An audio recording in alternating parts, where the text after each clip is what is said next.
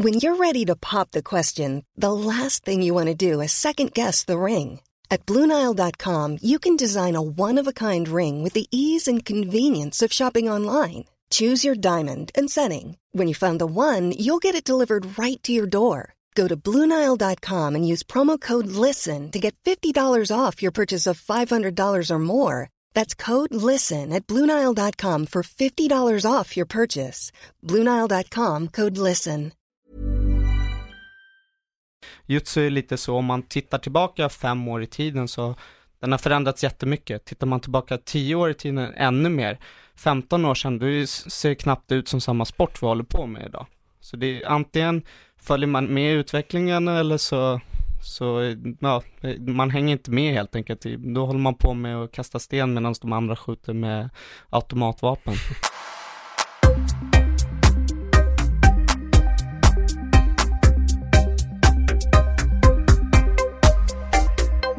Mark Lindblad, välkommen till Paul Podcast. Tack så mycket, det är roligt att vara här. Ja, och eh, du är ju faktiskt en person som eh, fler människor har velat höra i, i den här podden. Och eh, du är liksom en, vad ska man säga, en BJ-wizard. ja, eh, det låter ju roligt att du säger så. Jag vet inte om jag är en BJ-wizard och Ja, det, det, låter ju roligt att folk säger det. Och sen låter det ju roligt att folk eh, vill höra mig prata. Ja. Det är alltid roligt. Det är som vi sa innan att man går ju ofta runt i sin egna värld och har inte koll på någonting utanför. Och sen att folk pratar om en, det är ju det är roligt, speciellt om det är någonting positivt. Nej men precis, och jag tror ibland lite det här, vi använder också ordet bubbla, vilket jag tycker är rätt bra. Jag tror att din bubbla har nog sträckt sig utanför dig, att det finns fler personer som är med i din bubbla om du förstår vad jag menar det börjar liksom samlas folk där inne som tycker det du gör är bra och du har ju åstadkommit ganska mycket och om jag inte nämnde det innan så är det då BJ. Du har svartbälte i BJ. Har du någon högre ranking i det svartbältet eller är du, för det finns ju fler grader om jag inte... Det, det finns olika dan på, på, på ranken på svartbälte och egentligen spelar inte det någon, någon roll så för tävlandet, men nej jag har ingen extra rank. Jag är första dagen eller vad man ska säga. Så jag har bara haft mitt bälte i snart ett år nu. Om någon månad har jag haft det ett år nu. Mm. Hur lång tid tog det för dig att få det svarta? Runt åtta år. Då är det en ganska standard. Två ja. år per bältesrank. Vissa går det självklart snabbare för, vissa långsammare, men jag tror det är en ganska standard. Mellan sex och tio år brukar det ta för en person att få ett svart bälte. Mm. Vad, vad, var det som ledde dig in till just eh, BI?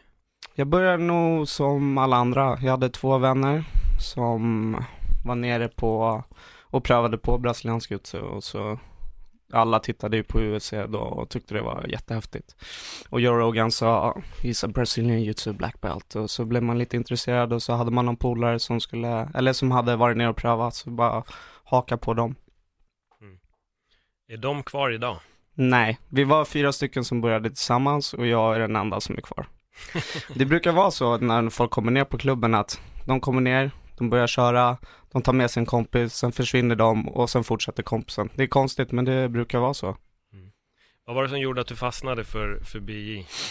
Jag kommer ihåg typ andra eller tredje träningen så såg jag två personer brottades innan, innan, eh, innan passet hade börjat och det såg så roligt ut hur de flöt liksom. Och jag ville kunna göra samma sak, att man flyter och brottas och det kändes, det såg så häftigt ut. Och, och om jag ska vara helt ärlig, det, det första halvåret är inte jätteroligt när man börjar med brasiliansk jiu man får nästan bara stryk. Och sen efter ett tag så börjar man få ge lite stryk och det är då det börjar bli roligt. Kunde du känna motivation i det? Att säga jag vill, jag vill kunna klå den här personen eller? Ja, jo, jo. Det är lite som, eh, som en vän till mig brukar säga att det är som ett tv-spel, olika achievements låses upp och man lär sig nya rörelser och sånt. Så det, det är nog det som folk fastnar för, att det finns så otroligt mycket att lära sig. Och sen bara för att man har ett svart bälte betyder det egentligen ingenting. Det finns ju hur mycket kvar att lära sig som helst. För det finns inget stopp i brasiliansk jutsu med tekniker, utan det är oändligt. Har du boxning så finns det en jab, det finns en uppercut, det finns en krok, allt möjligt. Eh, men sen tar det slut. Sen finns det olika kombinationer på det, men i jutsu det finns ingen, det finns ingen stopp med tekniker som går att lära sig. Så jag tror, jag tror nog det många fastnar på. Att det, man lär sig saker hela tiden. Du är aldrig fullärd. Nej. Bara för de som lyssnar nu och inte alls känner till BJ, brasiliansk jiu-jitsu då, förkortning för, för BJ. Men jag tänkte om du bara kan få förklara lite lätt, vad är BJ?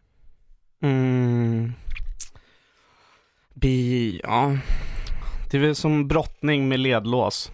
Så att man, man gör halslås, man gör fotlås, man gör armlås. Eh, vanlig brottning, om vi pratar grekromersk eller fristil, har ju begränsningar i sig. Så man får inte göra det, man får inte göra det. I BI får man nästan göra alltihopa i brottningmomentet. Är, du får röra vid benen, du får göra det där, bla bla bla bla. Så det är lite som, eh, har du hört uttrycket grappling förut? Ja, ja, ja. ja, ja. ja um, om, man, om man har hört det uttrycket förut så att eh, MMA är allt tillåtet från alla stilar och, och BI kanske är grapplingens MMA. För det finns ju inte bara BI utan det finns ju massor med andra olika eh, grapplingstilar då. Mm. Så det är inte bara BI som har med sig ledlås med brottning. Ja, just det. Och sen kör ni med GI också, bara en, en GI tillägga. För det, för det finns både GI och no-GI tävlingar med. Precis. Eh, Eh, inom BI finns det både no-GI och GI, precis som du säger. Men oftast när man säger BI så pratar man ju om med dräkten då. då. Oftast brukar man säga no-GI när man pratar om, om eh, utan dräkten då. då. Mm. Och det är väl, ja, som det låter, ingen dräkt. Nej, för dräkten i sig blir ju också ett extra vapen. När man då tar bort den så försvinner ju vissa små moment som man kan utnyttja gin till va? Precis, så, så fort man greppar i gin så har du ju någonting att strypa med eller dra i. Så ja, det är väl som ett, som ett vapen till. Man kan ju använda motståndarens gi mot honom. Mm. Precis som att han kan använda det mot mig. Och sen det blir det mycket mer friktion när man brottas så det kanske går lite långsammare. Så man kan inte klanta till dig så mycket för att du sitter fast ifall du klantar till det.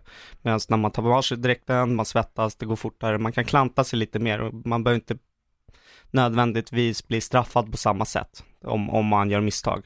Medan med dräkten, det går mycket långsammare, så kan du klanta dig lite så kan det vara checkmatt. Det, det är klart. Det här det brukar kallas också lite schack, eh, alltså schackspel att hålla på med just BI. Hur många drag kan du se fram i en match när du själv är där? Hur, hur läser du av en motståndare och vad söker du efter? Just i matchen så tror jag inte man kan se så mycket. Då är det som all annan fighting, det gäller att reagera på instinkt. Ehm, börjar du tänka så då är du fortfarande du är bakom. Men det är nog träningen inför och speciellt när du brottas nere på klubben, det är inte samma, samma press och så, då kanske det ges mer tid att tänka och planera dragen innan. Men när det är tävling då sker det ofta så fort att man inte hinner tänka. Eh, ja, lite, lite så. Så man, man, kanske inte ser några drag innan när man just tävlar, men man kanske kan göra det när man tränar och, och speciellt när man förbereder sig inför en fight. Mm. Brukar, liksom, finns det tid att analysera sin motståndare på en tävling? Jobbar du någonting med det? Jag tänkte inom MMA, men då vet du också så här, x antal veckor innan vem du ska möta. Inom BJ så är det ju tävlingar, så ni möter ju oftast fler personer under samma dag va? Ja, eh, det är oftast tävlar man i ett turneringsformat, så man har allt mellan en match upp till tio matcher på en dag, så det är svårt att, sen har du ju i din bracket kan det vara 130 personer. Då måste du analysera 130 personer och det, det är lite orealistiskt. Men oftast, eh, speciellt som jag, om man har varit med lite längre så vet man vilka man troligen kommer möta. Och man, genom åren har man lärt känna dem och man har tittat på videos och YouTube och, och sådär. Så man har ju någorlunda kontroll på, eller inte kontroll utan någorlunda koll på vad de gör. Och självklart så man planerar ju för vissa kanske mer än andra. Och sen det är det ju alltid stilar möter stilar, så vissa kanske man måste sänka tempot med och vissa måste man höja tempot med och vissa, man kan inte göra samma tekniker på alla personer utan man måste mixa upp det lite. Apropå att inte göra samma tekniker på alla, har du någon favorit submission? Oj, eh, jag gillar att strypa folk från ryggen. Uh, rear naked choke alltså? Ja, nej. Eh, inte just rear naked utan man stryker, stryper med gin. Okay. Um, mm. Man, man brukar generellt sett inte göra rear naked chokes jättemycket i, i gin just för att gin ofta hamnar emellan och det blir svårt att pilla in armarna och sådär. Så man använder det finns slag på gin som man, man drar i istället. Så tänk att du har en jacka, att du stänger jackan över och drar ner ena ändan. Det gillar jag. Eh, generellt sett så är väl inte jag så mycket en submission fighter. Alltså jag brukar vinna de flesta tajta matcherna på just poäng. Hur är en dömning där?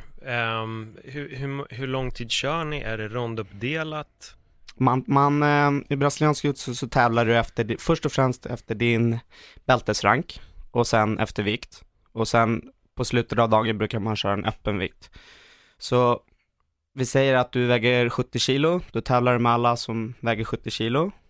Och så med ditt bälte då, så om du har blått bälte så tävlar du med blå bälten, har du lila så tävlar du med lila, har du svart så tävlar du med svart. Um, och så finns det olika tidsintervaller då, från, från när man tävlar. Då. Så, så vitbälten till exempel, de tävlar i fem minuters eh, matcher. Blå i sex, lila i sju, brun i åtta och svart i tio. Så för mig då är en match tio minuter lång. Och sen har vi också, det här kanske blir lite komplicerat, men så några olika federationer och olika regelsättningar. Så in den stora eh, IBIF så, så tävlar man in i 10 minuters intervaller. På, på, eller 10 minuters eh, ronder eller så att säga, så en match är 10 minuters lång. Medan under ett annat regelverk kan det se helt annorlunda ut med, med tiden. Så men generellt sett brukar man säga att det är 5, 6, 7, 8 och 10. Och, och hur får man en poäng? De eh, får man genom olika kontrollpositioner, som om jag börjar underifrån och sveper dig så får jag, får jag poäng. Tar jag mig förbi dina ben så får jag poäng. Tar jag din rygg, mountar jag någon så får jag poäng. Och även nedtagningar får du poäng för.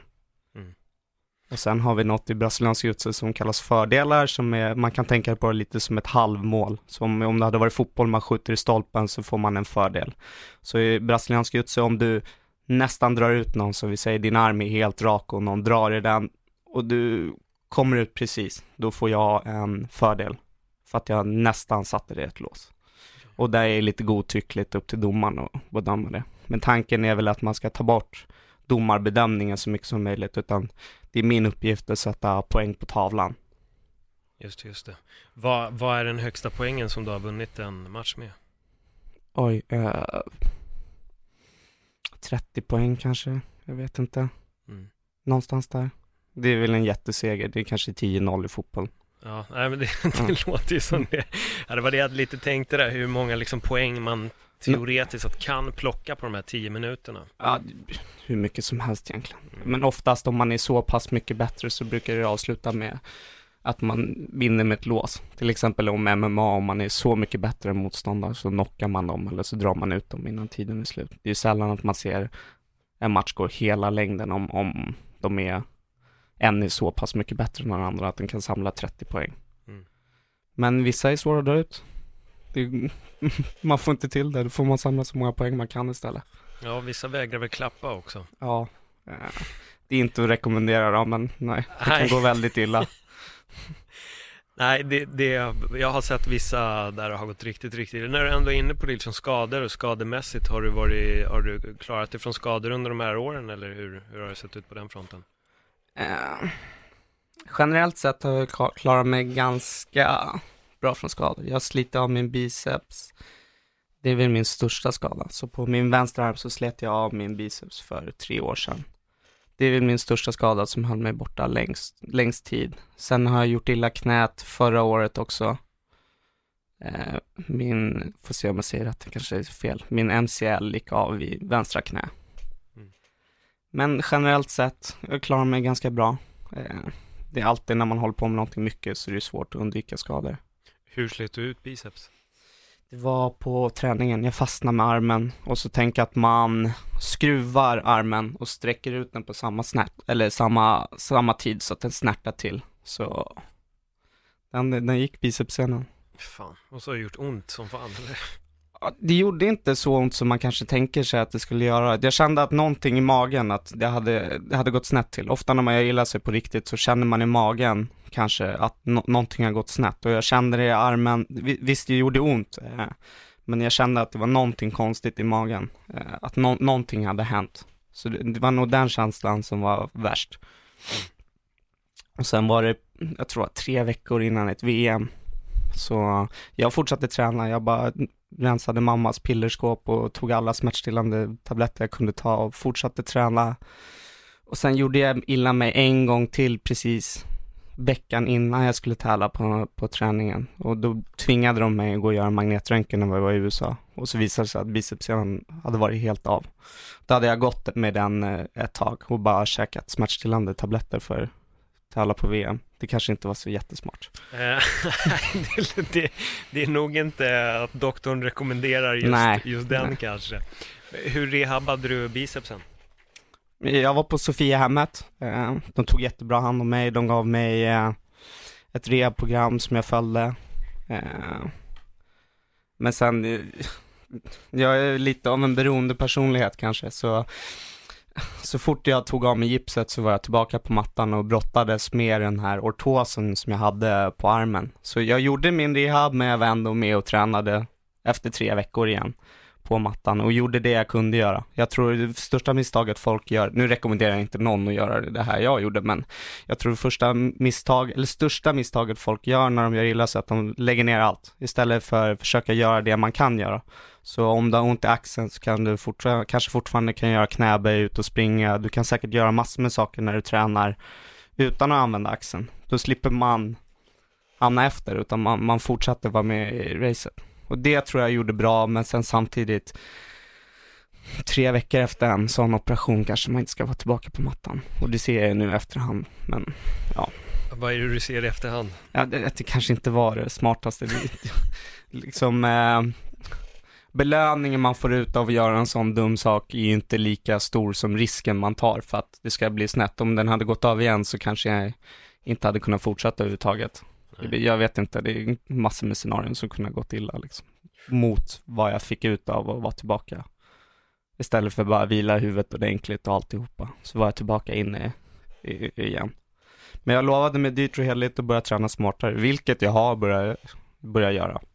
Hur har du ändrat på din träning? Ja, för det första har jag dragit ner på mängden träning. Eh, jag brottas inte lika mycket som jag gjorde. Jag vilar nu när jag blir trött, vilket jag inte gjorde tidigare. Eh, jag försöker tänka efter och lyssna lite mer på kroppen. Mm. Det är varför, inte alltid jättelätt. Varför vill vi inte lyssna på kroppen? Men jag tror man är besatt av att, att vinna och att man ska göra lite mer än alla andra. Och att, ja, hårt arbete, hårt arbete, hårt arbete. Och så glömmer man bort att träna smart. Utan man ska göra någonting 10 000 gånger och 10 000 timmar, det är det man hör hela tiden. Och så kanske inte blir någon kvalitet i tiden man gör istället. Så man, man som jag gjorde då, man är uppe mot 7-8 timmar träning om dagen. Till slut så är det ingen kvalitet i, i det man gör. Så om man kanske sänker det med hälften eller en tredjedel så mycket så kanske man får ut mer av tiden man, man gör. Mm. Det, sen skaderisken tror jag blir mycket mindre om man tänker över en, en lång, lång tid som, det, som man förhoppningsvis ska hålla på. Du pallar ju inte träna sju, åtta timmar om dagen särskilt länge. Nej, det är rätt intensivt. Men hur mycket studerar du sporten? För det är också ett sätt att lära sig att alltså sitta på sidan och, och titta och inte bara vara där inne och hela tiden jobba och rulla, rulla, rulla utan ibland mm. måste man kanske också ögonen få jobba. Mm, jag tror jag hängde någon timme på YouTube varje dag uh, och det var mitt mål att jag skulle se, jag tror det var 60 minuter om dagen som jag skulle titta på jutsu. Men det är ju också där, till slut så blir det för mycket man måste ju kunna koppla av också, du måste kunna tänka på någonting annat än jutsu. För man, jag hamnade i någon sorts ond cirkel där jag bara, bara jutsu hela tiden, bara jutsu och så blev det förknippat med, kanske nästan lite med ångest. Att jag, jag skulle göra det här varje dag, jag skulle göra det hela dagen. Och du, man tittade inte på samma sätt, det var inte samma fokus. Eh, men, eh, så jag har dragit ner på det också och jag försöker titta mer, kanske lite mindre men lite mer intensivt och försöka pausa och gå tillbaka när man tittar istället för bara mala, mala, mala, mala. Till slut slutar det ju se vad som händer också. absolut. Har du, någon bryt, har du hittat någon brytpunkt ifrån det här? Nej, jag, jag tror man, ibland känner man sig mer motiverad att titta än eh, Ibland känner man sig mer motiverad att titta, ibland känner man sig mindre, så man, jag tror man känner själv. Ibland klarar man att titta en timme, ibland kanske man bara klarar att titta i tio minuter. För jag vet, jag höll på med stand-up comedy förut. Mm. Eh, min brytpunkt för stand-up comedy var MMA. Att verkligen en, en sån extrem kontrast. Sen att MMA blev mitt yrke, det är extremt slumpmässigt. Men mm. jag har alltid försökt att personligen ha en, en brytpunkt. Alltså, nu är det till exempel, jag håller på väldigt mycket med Rubiks kub. Mm. Men det är också för att inte hela tiden bara liksom svälja MMA. Så jag försöker alltid hitta någonting annat som ibland blir en brytpunkt, att man fokuserar på någonting total omvänd riktning. Mm, jag har försökt med liknande saker också, men det också tenderar att bli för mycket. Eh, som jag höll på med dataspel, det blir för mycket dataspel. Okej, okay, jag börjar med schack då, då sitter jag med chess.com i telefonen i tills min flickvän blir galen på mig och sen ja, prövar med något annat mobilspel så fastnar jag i det och så jag, jag, vet inte, jag försöker inte ha något annat än jutsu så här och så gör jag bara lite små saker på sidan av. Eh, för det, det, har en sån tendens att det bara blir, blir bara överdrivet. Det, det, blir inget bra, utan det blir för mycket som går åt någonting. Det låter som att du, du, det känns som att du är en person som tar det du gör på det största allvaret du kan. Och det är nog också därför du har uppnått de sakerna som du har gjort, i alla fall inom BI. Mm, jag, jag, tror jag är en klassisk beroende personlighet. Alltså, jag fastnar för saker och ting. Och det, det, det, är nog som du säger, det är nog kanske det som har gjort mig att jag blivit framgångsrik med jutsun. Mm. Uh, jag har svårt att se att jag hade blivit bra med jutsu utan kanske gjort de här dumma misstagen. Men jag har ju lärt mig av dem förhoppningsvis. Eller jag tror det. Jag vet inte, det är, det är upp till någon annan att bedöma. Ja, för, för, det är inte heller alla som, alltså vissa har ju en dröm så här, men jag vill bli bäst på BI. Men, ja, men jag tränar bara två gånger i veckan. Mm. Liksom, det, det, det kommer, eller jag tränar när det är match, då lägger jag på extra fokus. Men du är ändå så här, fan, som du säger, du spenderar, har spenderat sju timmar på mattan, på gott och ont såklart. Men det har ju också gjort att du har utvecklats på, på ett visst sätt. Vad, vad tycker du att folk kanske gör för misstag när de vill någonstans och kanske inte riktigt presterar? Jag tror man har för stora mål för fort. Det är ofta när någon kliver in på klubben och ska tävla första gången och man kanske väger 80 kilo, så, men jag ska gå i minus 70 kilo för att de har hört att alla bantar mycket. Så ska man, till sin första tävling ska man banta 10 kilo till att börja med. Istället för, vänta, det här är min första tävling, jag kanske ska köra i 82-kilosklassen, för jag väger ju ändå där. Så man, folk kanske sätter för stora mål i början. Jag, jag, tror, jag tror få som kliver in på en kampsportslokal som är världsmästare, att de klev in från första början med tanke på att de skulle bli världsmästare. Jag tror det där kanske kommer med tiden. Eh, jag, jag tror folk har för stora mål i början. Det, visst är det bra att ha ett stort mål, men det kan bli svårt att leva upp till att man ska bli världsmästare om man bara har det i huvudet istället för små delmål. Hur har du jobbat med delmål? Först, det är det som är så jättebra med brasiliansk jiu att man har de här bältesrankerna som folk faktiskt kan tävla mycket i. Så att man tävlar bara mot blåbälten när man är blåbälten. Så första målet var att eh, vinna EM i blåbälte, så gjorde jag det. Då fick jag lila bälte och så, ja, jag vill vinna EM i, i lila bälte, så vann jag i lila bälte. Och så jag vill vinna VM i brunbälte, så vann jag VM i brunbälte. Och så nu tävlar jag på svart med de bästa i världen. Och jag visste mitt mål att vinna VM i svart, men det kanske inte var från början. Uh, och det är väldigt, kanske svårt att sitta när man precis har börjat, att man säger att man ska bli bäst, bäst, bäst. Ja men ändå är det ju folk som gör det. Jo. Och jag, det, det, uh, det, låter väldigt rimligt det du säger, jag, jag gillar det. Uh, mm. Eh, det får nog stå för dem då. Jag, jag, tror, jag tror det kanske är bra att man börjar med lite mindre mål. Det, det är ju bara en person som kan vara bäst i världen. Ja. Uh, men visst, om man verkligen känner det, kör.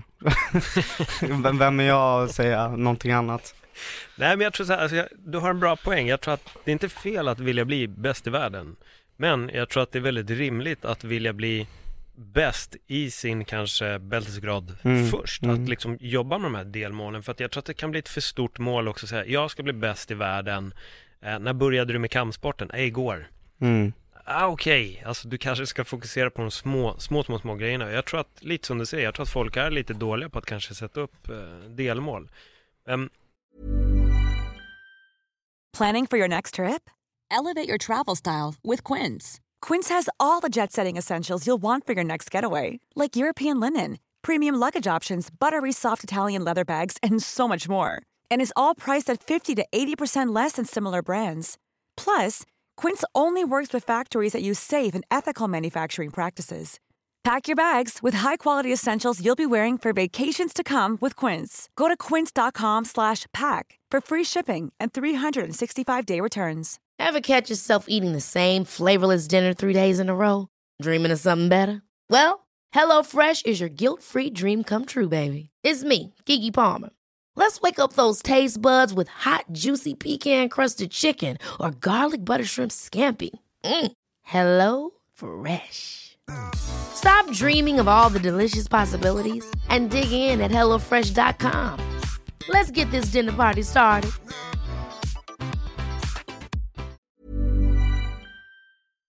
har du jobbat, liksom om vi f- fokuserar lite mer på så här delmål, Mm. Kanske inom också att vad du vill lära dig, vad du vill uppnå innan du kan ta EM eller i respektive bälte då? då? Jag har haft jättetur och haft en jättebra tränare. Eh, och någon jag har kunnat lita på hela vägen. Eh, jag tror det är svårt om man, man ska försöka experimentera fram någon, någonting eget. Jag säger inte att det är fel att, att göra det. Och, och jag säger inte att det är för alla att ha en tränare som säger att det här, det här ska man göra. Men jag har haft jättestor tillit till min tränare Kenneth och han, har- han har sagt du ser ut på det här viset, du kan använda det här till dina fördelar. Generellt sett är jag väldigt lång i min viktklass. Eh, eh, och jag, det måste du kunna hitta något sätt att dra till nytta på. Så jag tror att man måste ha någon, någon typ av coach som kan hjälpa en. För det, jag tror det är svårt att uppfinna hjulet, uppfinna hjulet eh, igen. Varför ska man ta den tiden? Det är väl bara bättre att försöka ta någonting som fungerar. Eh, ja, jag vet inte, det kanske blir för filosofiskt. Jag, jag nej, vet nej, inte. kör filosofi, det är min eh, favoritgren, så det är bara att köra på. jag, jag tror, ta på, ta saker som fungerar. Ja, till exempel i jutsu, om du hittar någon som, som eh, ser, ser ut som dig liknande i kroppen, så försök härma en sån person när du tittar på YouTube. Och, och försök inte lära dig allt, för du kommer inte kunna lära dig allt. Det är ingen som kan allt. Eh, det är kanske bättre att bli eh, minispecialist på någonting. Ja, jag tycker det låter väldigt vettigt, för det, det är som du säger, det är en det är en sport med så mycket variabler, så många möjligheter och där kan man, eh, man kanske inte uppfinner hjulet men man kan uppfinna nya dubbar Mm, och sätta på däcket liksom. Fi- finns det saker som har du utvecklat, vad ska man säga? Alla kan göra en rear naked choke eller en armlås, men har du utvecklat din egen lilla teknik till någon eh, av dina favoritsubmissions, att du kanske har ett eget sätt som du gör den på? För det tycker jag ändå att man kan se ibland, att folk har en viss egen liten metod för att göra vissa övergångar eller lås eller vad det än må vara. Eh, ja och nej. Eh, jag, tror, jag tror inte det går att uppfinna någonting nytt när man håller på med kampsport. För allting finns där redan. Eh, missförstå mig inte fel, man kan återupp, eller missförstå mig inte, man kan, man kan återupptäcka gamla saker, men jag, jag ser på jutsu som någonting mer än att man uppfinner en teknik, utan allt finns där. Det är ju bara två kroppar som brottas och alla kommer göra saker på sitt egna lilla sätt. Om, om jag visar en teknik för hundra personer så är det hundra små varianter man gör på den här. Även om man i stort sett gör samma teknik så kommer alla alltid göra en, liten, liten variant på det man gör. Och sen finns det stora varianter på det man gör. Eh, ja, ja och nej. Eh, Alla kommer göra sin egna lilla spin på, på det. Det kommer ju inte se likadant ut för det, vi har olika längd på armarna, vi är olika starka, vi är olika flexibla så Ja, ja och nej. Ja, det lå- låter, Mm. låter rimligt. Låter riktigt rimligt i mina öron. Ehm, du, vi var inne lite på det här med vikt. Mm. Eh, och som du säger själv så vissa tror att man måste banta 10 kilo för att de har hört det. Jag har haft väldigt mycket diskussioner om just, just det här med att gå ner i vikt. Eh, hur stort problem är det i BJ? Nu tänker jag på MMA där folk bokstavligen har dött av viktnedgången. De dör inte i oktogonen som vissa har en förutfattad mening om att de gör. Men det finns folk som faktiskt har dött i bastun. Eh, nu förstår jag att ni går ju fler matcher per år så jag tror det är viktigare för en BJ-atlet att liksom hålla sig lite närmare sin vikt än vad det kanske är för en fighter som kanske fightas två gånger eller mer per år. Eller har jag fel? Mm, jo, jo, jag tror förra året eller året innan det så räknade jag ut att jag hade 70 matcher på det året och det var lite för det året. Jag tävlade inte lika mycket som jag gjorde eller brukar göra och jag hade framförallt inte, när jag dök upp till en tävling så kanske det var bara en, två matcher på den tävlingen. Från skillnad från året innan när jag gick massor med mera matcher. Så, eh, men eh, du, du har inte samma problem med BI för att du väger in precis innan din första match. Och när jag säger precis innan, det är fem minuter innan din första match. Det går inte att banta 8 kilo då. Det går inte att banta 12 kilo då. Om du ska upp och tävla direkt eh, efteråt. Hur ska du kunna fylla på med allt det här? Okej, okay, vissa organisationer och så här, de, de tillåter en att väga in dagen innan. Men det är väldigt få få, det är ju kanske om du får någon superfight eller ska tävla i Abu Dhabi eller någonting så här, då väger man in dagen innan och självklart tillåter ju det en helt annan eh, viktmanipulation. Eh, men generellt sett, jag tycker inte man har samma problem med BI. De som bantar mycket bantar 5 kilo. Eh, och när man är som tjockast så, nu, nu det är kanske är fel sagt, men när man väger som mest kanske, kanske man är 5 kilo från, från viktklassen. Det, det är ganska ganska rimligt. Jag, tr jag tror de som bantar mest kanske bantar 5-6 kilo. Mm. Ja, det låter i alla fall fördelaktigare än de som klipper 15 till 20 kilo som jag... Ja, eh, nej. Det, det, känns för mig bara riktigt korkat. Jag, jag förstår inte hur man gör det. Jag, å andra sidan, det är kanske obligatoriskt om man håller på med MMA. Men som, ja, jag har aldrig hållit på med det så jag tackar för att jag slipper göra de där ja. viktminskningarna. Vad ger du för rekommendationer till folk eh, som ska göra sin första tävling och kanske kommer in med det här lite som du säger, vill kanske gå ner lite för mycket? Vad, vad brukar du? Strunta i, eh, strunta i bantningen. Eh, och kanske om du väger två kilo för mycket, okej, okay, ja, men det är två kilo, det, det kan man faktiskt göra av med. Du svettas ju nästan bort ett kilo när du värmer upp. Så, så strunta i den här, utan tävla så nära din viktklass du kan. Eh, för det är inte, det, speciellt inte första tävlingen, det är inte det som kommer avgöra om du vinner eller förlorar. Det, det, vikten kommer inte vara det största problemet. Nej, det är kanske bristen av kunskap Precis, istället. Alltid bristen på kunskap eller att man är för nervös eller för övertaggad eller man kanske har, miss, man kanske tror att man har kontroll, eller inte kontroll, utan man har en koll på, på alltihopa och så vips så sitter man där i ett armlås. Det är nog det är nog viktigare att, att bara försöka kliva in och ha kul de första gångerna. Än att ha för, för stora krav på sig själv. Hur var din första tävling? jag blev strypt två gånger så jag svimmade. jag vann min första varm på, eller match på ett armlås, sen blev jag strypt två gånger så jag svimmade. ja, men det gav dig kanske motivation istället? Ja, jo det gjorde det. Min andra tävling kom jag tvåa och sen min tredje tävling vann jag. Och sen därifrån så började det gå bättre och bättre och bättre och bättre. Men sen självklart har jag åkt ut i första vändan som alla andra. Det är ingen som aldrig förlorar. Så är det. Hur, hur var det när du åkte på dina första två strypningar? Vad, vilka tankar får genom huvudet? Först tyckte jag det var väldigt pinsamt. Eh, att jag bara vaknade upp. Helt borta. Eh, sen, jag vet inte, jag tyckte väl att jag var tuff och häftig som inte hade klappat, men det, nu, nu i efterhand så tycker jag det är väldigt töntigt att jag inte klappade. Det finns ingen anledning att, att bli strypt som man svimmar. Och ofta brukar man faktiskt se de här sakerna med folk som är nya och tävlar, att man har fått för sig någonting, att man ska vara tuff och inte klappa och så gör folk in armarna eller blir strypta och så här. Jag tycker det är helt galet nu i efterhand. Vad kommer det därifrån? För eh, det, det, jag vet att det är så väldigt mycket snack om det. Du och jag pratade lite MMA innan och vi var inne då på, vi nämnde ju McGregor och han blev ju strypt av Nate Diaz. Alltså folk bara, ah, han klappar, han klappar, han klappar. Men det är ju hur många som helst som har klappat innan honom. Nej, folk, jag vet inte, de kanske tycker att han ger upp. Eller folk har fått för sig att han ger upp. Men det är väl antingen klappa eller så svimmar man. Det är inte, det är ingen som tycker det är konstigt att man blir utslagen som bara blir knockad. Det är ingen som säger ja han blir knockad, han blir knockad på samma sätt.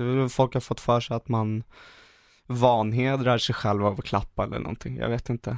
Jag klappar hellre än och bryter min arm eller bryter mitt knä och inte kan gå på resten av livet. Så. Jag vet faktiskt inte var det kommer ifrån. Att man ska vara tuff. Men det är inte där man bevisar att man är tuff. Om man, är, om man kan kliva upp i oktagonen och slåss så har man redan bevisat att man är häftig. Tycker jag. Det är, det är inga vanliga människor som gör det. Speciellt inte framför massor med massor med människor. Jag förstår mig inte på, liksom, det är ju bara att kliva upp själv. Men folk vet ju hur nervösa de blir för när de ska göra små saker så, att, ja. Men jag tycker man bevisar att om man ställer sig där inne i ringen och slår på varandra att man redan är tuff. Jag håller med. Folk har ju rädsla för att bara gå upp och hålla ett litet föredrag på Precis, jobbet. Ja. Så de skiter på sig. Sen sitter de och klagar på att någon annan klappar. Eh, är väldigt lustigt. Men kommer du ihåg det gamla, jag minns inte vilket fight gear som hade den sloganen med Jesus didn't tap. Ja, nej. Knock em och lock em och points are for, ja, det ena och det andra. Jag vet inte var det här kommer ifrån. Det är någon machogrej. Eh, ja, jag tycker det är fånigt. Ja. Eh, fightas man så är man redan tuff. Men hur, hur pratar ni om det på klubben? Tänkte jag, alltså genom coach och, och allting. Alltså säg ni, klappa hellre än att bli skadad. Ja, självklart, självklart. Men jag tror alla som har varit nere på och, och brottats har gjort illa sig för att man, man inte har klappat ordentligt. För att ego tar över. Och jag tycker inte det ser några, alltså jag tycker inte det är någon häftig grej och, och om man blir utdragen och så gör man illa sig så kan man inte komma till träningen dagen efter. Då har man inte bevisat att man är tuff, då har man bevisat att man är dum.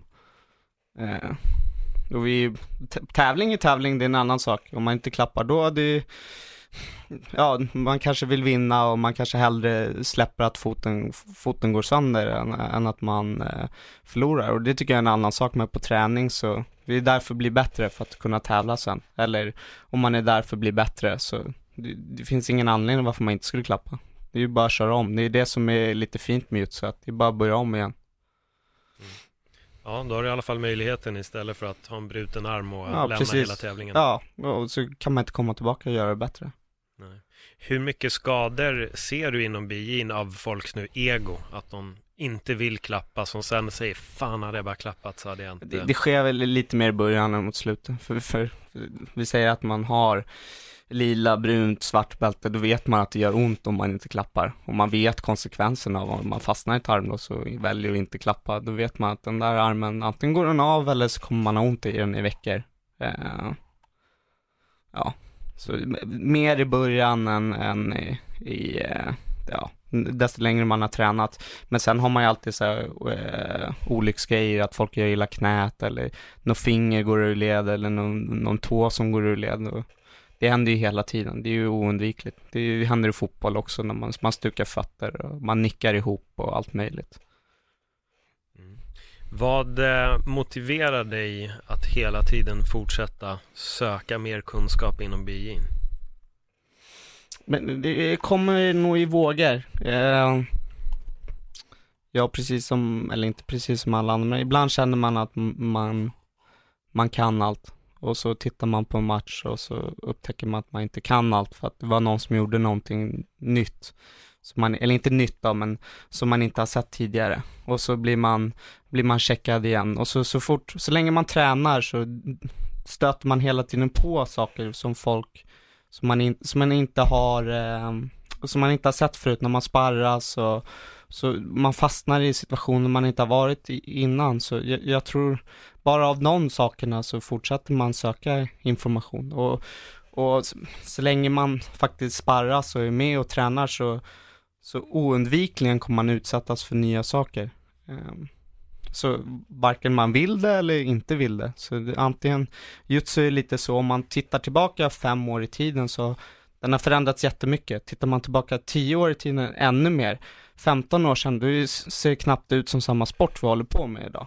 Så det är antingen följer man med i utvecklingen eller så, så ja, man hänger inte med helt enkelt. Då håller man på med att kasta sten medan de andra skjuter med automatvapen. det, det är lite så, det, det låter det låter väldigt extremt när jag säger så, men det är lite sanningen. Har du inte hängt med i utvecklingen, det är massa som händer i jutsu hela tiden. Det är lappeller som, som lindas in i fötterna, folk snurrar upp och ner och är man inte med och tittar och sparrar så häng, man kommer inte kunna hänga med. Så, så, så, lätt är det. Så det är antingen, antingen hänger man med eller så står man snällt kvar och tittar där medan de andra fortsätter. Hur förmedlar du vidare din kunskap till den, eh, kanske inte yngre generationen, vi får väl säga kanske den inte lika högt rankad bältetmässigt generationen? Mm. Den, den, gamla kunskapen då? Alltså din kunskap, alltså är du med och coachar du någonting? Jag är med och, och, håller träningar på klubben. Jag är med och coachar när folk är, folk är med och tävlar. Uh, ja, jag, jag, tror det är som med allting annat, så fort man börjar bemästra det lite, jag säger inte att jag bemästrar jutsu, men, men så fort man börjar kunna lite mer så måste man, eller för att ta de sista stegen, måste man börja hjälpa till och lära ut också, hjälpa andra i sin egna utveckling. Och man lär sig mycket om sig själv också då. Och man sätter ord på det man gör. För innan så brottas man bara och sen, oj vänta, hur ska jag kunna förklara det här för dig? Hur, hur ska man göra ett armbrott? Så, ja, du greppar där och där och då lär man sig mer också. Det, det var precis faktiskt min uppföljningsfråga. Jag jobbade som PT i tio år och där vet jag också att när man väl började coacha andra så blev man bättre på övningarna själv, när man väl säger dem. Eh, så jag tycker det är väldigt intressant att du säger det där också. Känner du att du har kunnat utvecklas mycket i din egen BJ sen du faktiskt började coacha också? Eh, eh, ja, eh, mycket det att man sätter ord på det, det man gör. Eh, men att lära ut det också, det är också en, en konst i sig självt. Och det krävs mycket träning. Jag märker många gånger, inte att jag, eller jo, ibland har jag helt enkelt instruerat fel när jag gjort saker för att man kanske, man tror att man har stenkoll på någonting som man faktiskt inte har. Eh, men jag tycker definitivt jag har lärt mig jättemycket och förstå, förstå mig själv och hur jag gör saker och ting. Och, och ja, men man lägger till ett till lager på, på inlärningen. Eh, ja, och förmedlar vidare information. Känner du att din kunskap inom BJ är någonting som du har kunnat applicera på, på din vardag? Alltså nu syftar jag på det här filosofiska djupet att, Jag att... tror så fort man håller på med någonting mycket så börjar man se allting ur det. Spelar man mycket schack så ser man livet utifrån schack och schackdrag och boxas man ser man det utifrån boxning och håller man på med något annat så ser man det utifrån det också. Så ja, ja, ja, jag ser ju livet utifrån jutsu som jag gör mest. Jag tänker jujutsu-problem när jag försöker lösa vardagsproblem. Och jag tror, det spelar nog ingen roll vad man gör, vad man gör, men gör man det mycket så, så kommer man börja reflektera livet utifrån det. Mm. Vad har du för mål framöver med din egen BI? Just nu tar jag det lite lugnt i SM den 27 september. Jag siktar på att ta mig, nej, 27 oktober. Jag siktar på att ta mitt fjärde SM-guld. Uh, Ja, det är väl det som ligger närmast. Jag kanske tävlar någonting innan det och sen i slutet av januari så, så är, är det EM. Det är väl den stora nästa sak jag har i, i tanke. Och det är väl det jag siktar på, på just nu. Mm. Hur jobbar du inför det? Det är nästan likadant. Eh, träningen självklart blir, blir lite hårdare, mer intensiv. Eh, men ja, det är kanske lite mindre volym på träningen eh, kontra mot innan och, och mer intensivt. Mm. Det, det, det är väl nog det som är den största, största, eller största skillnaden. Jag, nu tränar jag två gånger om dagen, eh, jutsu och lite styrketräning och så, men inför, inför tävlingen så jag kommer fort, fortfarande, eller fortfarande äh, träna två gånger om dagen, men passen kanske inte är lika långa. Och det är mer sparring och mindre teknikträning. Just det. Vilken klubb kör du på? Jag tror inte vi har nämnt det. Eh, Prana Jutsu. Prana Jutsu. Och din coach var Kent? Kenneth Hammarström. Kenneth Hammarström.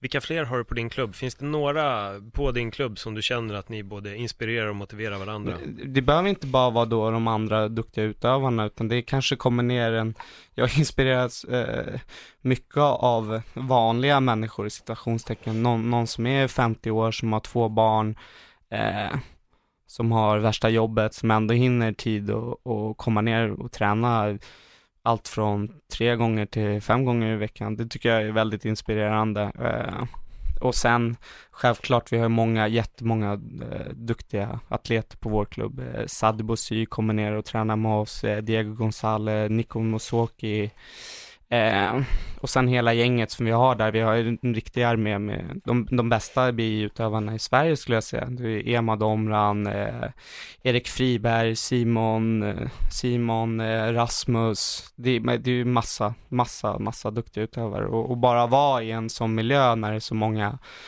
eh, tävlande driver en ju framåt hela tiden. Har du varit utomlands och tränat någonting också? Ja, eh, oj, är det fem år sedan?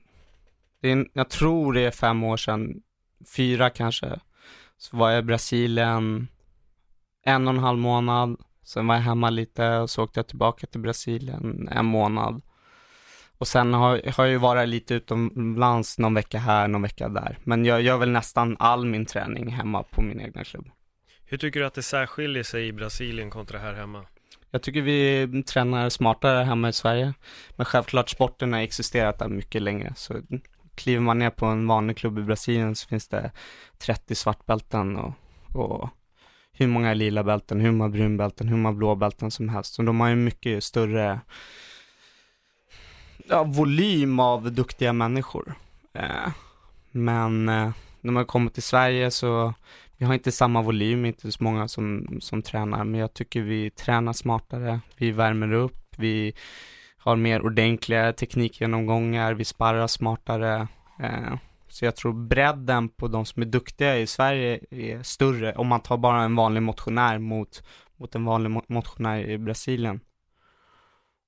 Ja, det, jag, tror, jag tror det är skillnaden, att de, de är så många fler och att de har haft sporten så mycket längre hos sig än vad vi har haft här. Mm. Vad gör Max Lindblad om tio år? Oj, förhoppningsvis. Eh, Förhoppningsvis håller jag på med jutsu fortfarande. Eller jag tror jag håller på med jutsu fortfarande. Jag håller på med jutsu fortfarande. Uh, uh, förhoppningsvis driver jag min egna klubb, kanske. Ja, jag vet inte, jag har inga riktiga framtidsplaner. Bra. Min, min flickvän frågade mig någon gång när vi vaknade upp på morgonen, ja, hur ser din femår, femårsplan ut? Och jag blev helt ställd. Jag, jag vet inte, jag planerar fram till januari nu. Så ser det ut för mig. Jag, det är kanske dumt, eh, men jag, jag har nog inga riktiga så här framtidsplaner. Vad händer om tio år? Nej, ja, man behöver inte ha det. Du, du har ju uppenbarligen lyckats uppnå mål utan att ha en femårsplan. Mm. så det kanske gör rätt. Du kanske bryter ner i fyra, fyra till fem månaders planer och så mm. uppnår och sen bygger vidare därifrån. Ett femårsplan ibland kan också vara så långt bort? Ja, eh, men ja, jag, jag tror eh, det, det, är bra att ha mål och sådär och, och någonting att sträva mot. Men tio år, det, ja, det, jag börjar komma upp en ålder nu när det riktiga livet också börjar knacka på och liksom så här, ja, vad ska man göra efter karriären är slut och sådana saker. Så det blir läskigt att tänka i de banorna om tio år. Man har barn förhoppningsvis inom tio år och sådana saker. Ja men vad innebär det för min jutsu och sådana saker. Så det är mycket, många tankar som börjar snurra när man tänker på de, de tidsgränserna. Så försöka undvika dem faktiskt, om man ska vara helt ärlig. det får man verkligen göra. Um, om du skulle ge något råd till en person som är i början på sin BJ-karriär och liksom har börjat gå lite samma väg som dig. Vad skulle du kunna ge för råd till den personen? Ja, eh, det, ja, sätt inte för, alltså tänk inte att du ska börja träna massa gånger om dagen, fyra, fem gånger om dagen. Du kommer inte, det kommer vara väldigt svårt att hålla i det. Det är kanske bättre att sätta upp att jag jag ska gå på fem bipass i, i veckan. Eh, och så försöker du hålla det. Eh, och sen när du känner att du kanske kan gå på fem biopass och du kanske vill träna mera så kanske lägga in lite styrketräning, kanske börja träna lite mer, mer jutsu, men inte att man, man börjar för stort i början. Eh, det blir lätt att det får motsatt effekt då, att man, om man tar på sig för mycket direkt. Man, tar det lite lugnt i början. Och det, jag tror det är bra att man fortfarande har kvar det här suget. För det är lätt om du börjar göra någonting för mycket att det, det roliga försvinner och, och, det är inte roligt längre. Och precis, precis när du har börjat, varför ska du fortsätta? Mm. Och våga klappa kanske? Våga klappa. Ja. Nej men perfekt. Eh, Max Lindblad, tack för ett jättebra samtal. Mm, tack själv. Eh, ifall folk liksom vill få tag på dig eller var, var, var, kan man följa dig och dina framtida äventyr? Jag finns på Facebook med mitt namn. Eh, jag finns på Instagram, eh, Max Lindblad JJ. Eh, ja, det är väl där. Mm. Där finns jag. Kanon! Återigen, tack för att du kom hit. Tack själv. Och eh, till er som lyssnar, om ni uppskattar avsnittet får ni jättegärna dela er på era sociala medier. Tills nästa gång, ha det jättebra!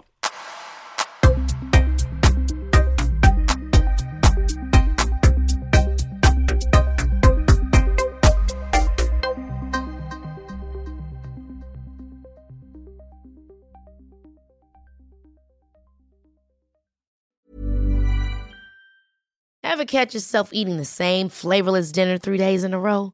Dreaming of something better? Well, HelloFresh is your guilt-free dream come true, baby. It's me, Gigi Palmer. Let's wake up those taste buds with hot, juicy pecan-crusted chicken or garlic butter shrimp scampi. Mm. Hello Fresh. Stop dreaming of all the delicious possibilities and dig in at HelloFresh.com. Let's get this dinner party started.